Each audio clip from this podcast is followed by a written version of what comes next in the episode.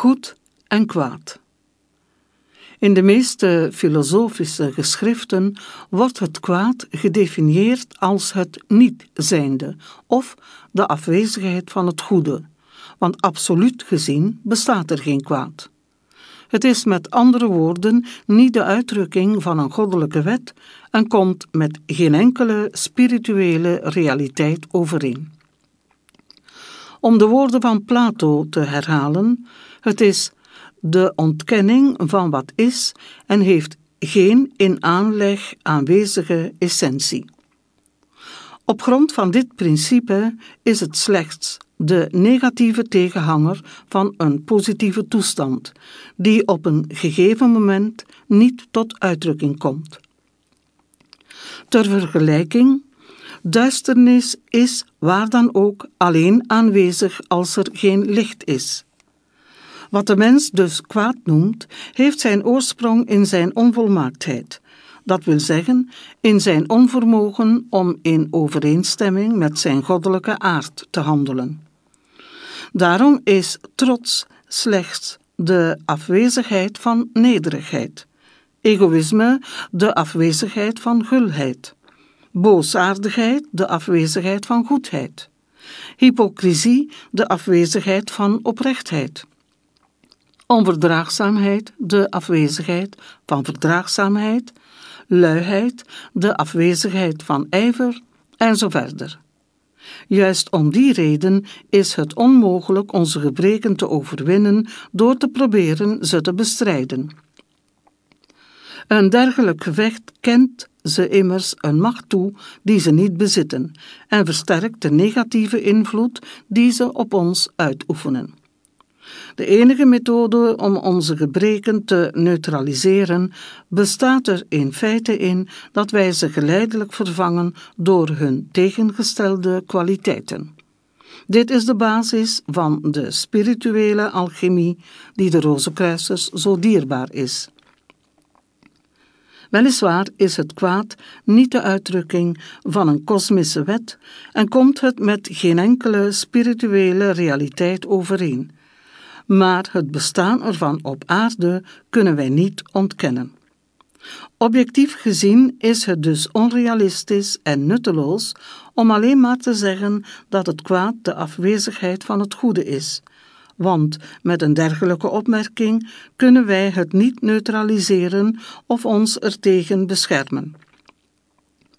Oorlogen en misdaden zijn immers even zoveel manifestaties van zijn vernietigende kracht en maken helaas talloze slachtoffers.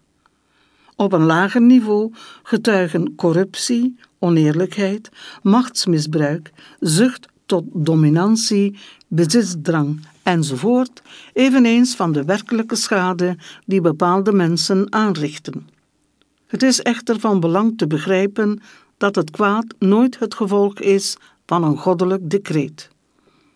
In welke vorm het zich ook voordoet, het kwaad is in zowel individueel als collectief opzicht altijd het gevolg van een negatieve toepassing van de vrije wil van de mens. Dit betekent dat het kwaad ontspringt in het bewustzijn van de mens en niet in het goddelijk bewustzijn. Daarom kan God niet verantwoordelijk worden gesteld voor de gevolgen veroorzaakt door de fouten die wij vanwege onze huidige onwetendheid begaan. Het is overigens niet aan hem om deze gevolgen te neutraliseren, want daardoor zou hij de plaats innemen van onze vrije wil en tegen onze spirituele evolutie ingaan. Een evolutie die gebaseerd is op de noodzakelijkheid zelf de verantwoordelijkheid voor de gevolgen van onze daden op ons te nemen. Over het algemeen kunnen wij het goede definiëren als het geheel van gedachten, woorden en daden die direct of indirect bijdragen aan ons welzijn of dat van anderen. Deze definitie illustreert op zichzelf al de gedragslijn die wij moeten volgen om in overeenstemming met de Rozenkruisers ethiek te leven. Bovendien impliceert ze dat het kwaad zich niet tot de afkeurenswaardige daden beperkt die een persoon rechtstreeks tegenover iemand anders begaat, waarvan de ernstigste natuurlijk moord is. Kwaadsprekerij, laster, verklikken, smaad en zo verder berokkenen eveneens onrecht, want zij schaden de integriteit van de personen die er het slachtoffer van zijn. In sommige gevallen veroorzaken zij morele schade, waarvan de gevolgen erger zijn dan die van een fysieke aanval. Bovendien is het in bepaalde omstandigheden niet handelen of niets zeggen soms in strijd met het goede en niet altijd een blijk van wijsheid. Een mishandeld kind niet te hulp komen of een verdrukte niet verdedigen is afkeurenswaardig. In die zin mag niet handelen of stilzwijgen niet als voorwendsel voor lafheid dienen. Vanuit mystiek oogpunt is kwaad goedkeuren door nalatigheid even afkeurenswaardig als zelf kwaad doen. Ieder mens heeft al naar gelang zijn ras, cultuur, opvoeding, politieke ideeën, geloofsovertuiging en natuurlijk zijn graad van evolutie een verschillend begrip van goed en kwaad. Op het gebied van godsdienst bijvoorbeeld menen sommige praktiserende christenen dat het een godslastering is om op Goede Vrijdag vlees te eten terwijl gelovigen van andere godsdiensten niet eens op die gedachte komen. Orthodoxe Joden op hun beurt hebben een bijzondere eerbied voor de zaterdag, de Shabbat, die zij aan gebed en meditatie wijden. Voor hen is het verrichten van de geringste profane bezigheid op die dag een aantasting van de Godheid. Moslims nemen ieder jaar een maand Ramadan in acht, dat wil zeggen, zij vasten een maand, een verplichting die van geen enkel ander geloof deel uitmaakt.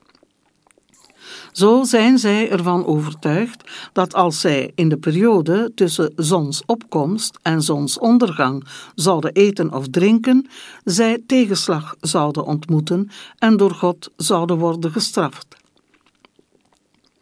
Voor Hindoes is het slecht behandelen van een koe heiligschennis, want zij zijn ervan overtuigd dat die koe een incarnatie is van bepaalde eigenschappen van Vishnu. En boeddhisten tenslotte menen dat het simpele feit dat zij zich over hun toestand beklagen, al was het maar voor één ogenblik, beledigend ten opzichte van het leven is en onbeschaamd tegenover het opperste goede. De begrippen goed en kwaad hebben niet alleen op godsdienstig gebied een willekeurig karakter. In het sociale leven vinden wij talloze voorbeelden van de grote verschillen in opvatting die erover bestaan. Zo vinden sommige mensen het zeer onfatsoenlijk fortuin te willen maken, te gokken, geld te lenen, mee te doen met loterijen en zo verder, terwijl andere mensen menen dat dergelijke zaken deel uitmaken van het bestaan en legitiem zijn. Verder zijn er mensen die menen dat er een verbod moet zijn op jacht en visvangst als vrije tijdsbesteding, dat er alleen vanuit consumptieoverwegingen gevist en gejaagd mag worden.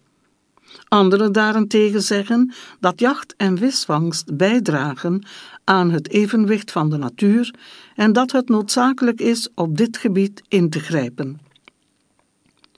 Wanneer men de grote samenlevingsvraagstukken aansnijdt, zoals doodstraf, abortus, euthanasie, vivisectie enzovoort, dan worden de meningsverschillen nog duidelijker, want deze kwesties houden rechtstreeks verband met de morele betekenis die ieder geeft aan wat hij als goed of kwaad beschouwt. Het is niet onze bedoeling een oordeel te geven over de punten die wij net ter sprake hebben gebracht, want dan zouden wij een diepgaande discussie moeten gaan houden en die past hier niet.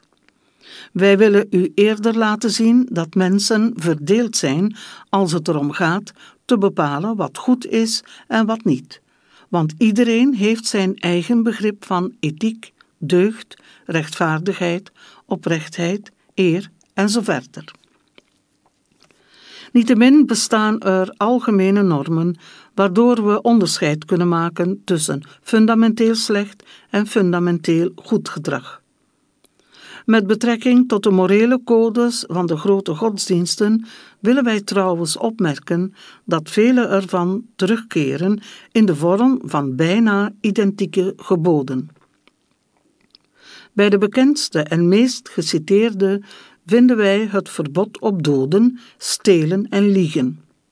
Niemand kan ontkennen dat deze drie verboden volledig gerechtvaardigd zijn, want het wederzijdse vertrouwen en respect die tussen mensen voorop moeten staan, berusten grotendeels hierop. Zeker, er zijn bijzondere situaties denkbaar en men kan zeggen dat men noodgedwongen een misdaad, diefstal of zeer ernstig bedrog heeft gepleegd. Maar alleen een rechtbank kan vaststellen of er verzachtende omstandigheden zijn die dergelijke daden kunnen verklaren of wettigen. Over het algemeen is het immers normaal ze als slecht te beschouwen. Omgekeerd bestaat er gedrag dat onbetwistbaar als goed kan worden gekwalificeerd. Verdraagzaamheid bijvoorbeeld, edelmoedigheid, dienstbaarheid, altruïsme en zo verder duiden op een houding van welwillendheid en dien ten gevolge op een bepaalde graad van innerlijke evolutie. Geen enkel redelijk mens kan het tegendeel beweren.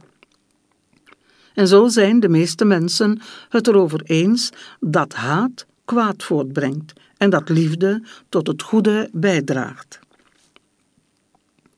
Tijdens zijn leven op aarde wordt de mens dus geconfronteerd met het vraagstuk van goed en kwaad. Gezien het feit dat hij dit vraagstuk niet meester is, begaat hij fouten in oordeel en gedrag, zowel tegenover zichzelf als tegenover anderen. Deze fouten zijn echter nuttig. Want dankzij zijn fouten kan hij zich bewust worden van zijn onvolmaaktheid en begrijpen waarin bepaalde keuzen goed zijn en andere slecht. Anders gezegd, zij dwingen hem te mediteren over de relatie van oorzaak en gevolg tussen zijn algemene gedrag en de beproevingen die hij tegenkomt. Daarbij kan hij vaststellen dat hij in harmonie is met zichzelf, zich gelukkig voelt en tot het geluk van zijn omgeving bijdraagt als zijn gedachten, woorden en daden positief zijn. Een dergelijke constatering zet hem geleidelijk ertoe aan steeds edeler idealen te volgen en een beter gebruik te maken van zijn vrije wil. Hierdoor gaat hij er eveneens naar verlangen om een beter mens te worden en beter te begrijpen welke betekenis hij aan zijn leven moet geven. Dit vormt op zich het begin van iedere spirituele zoektocht.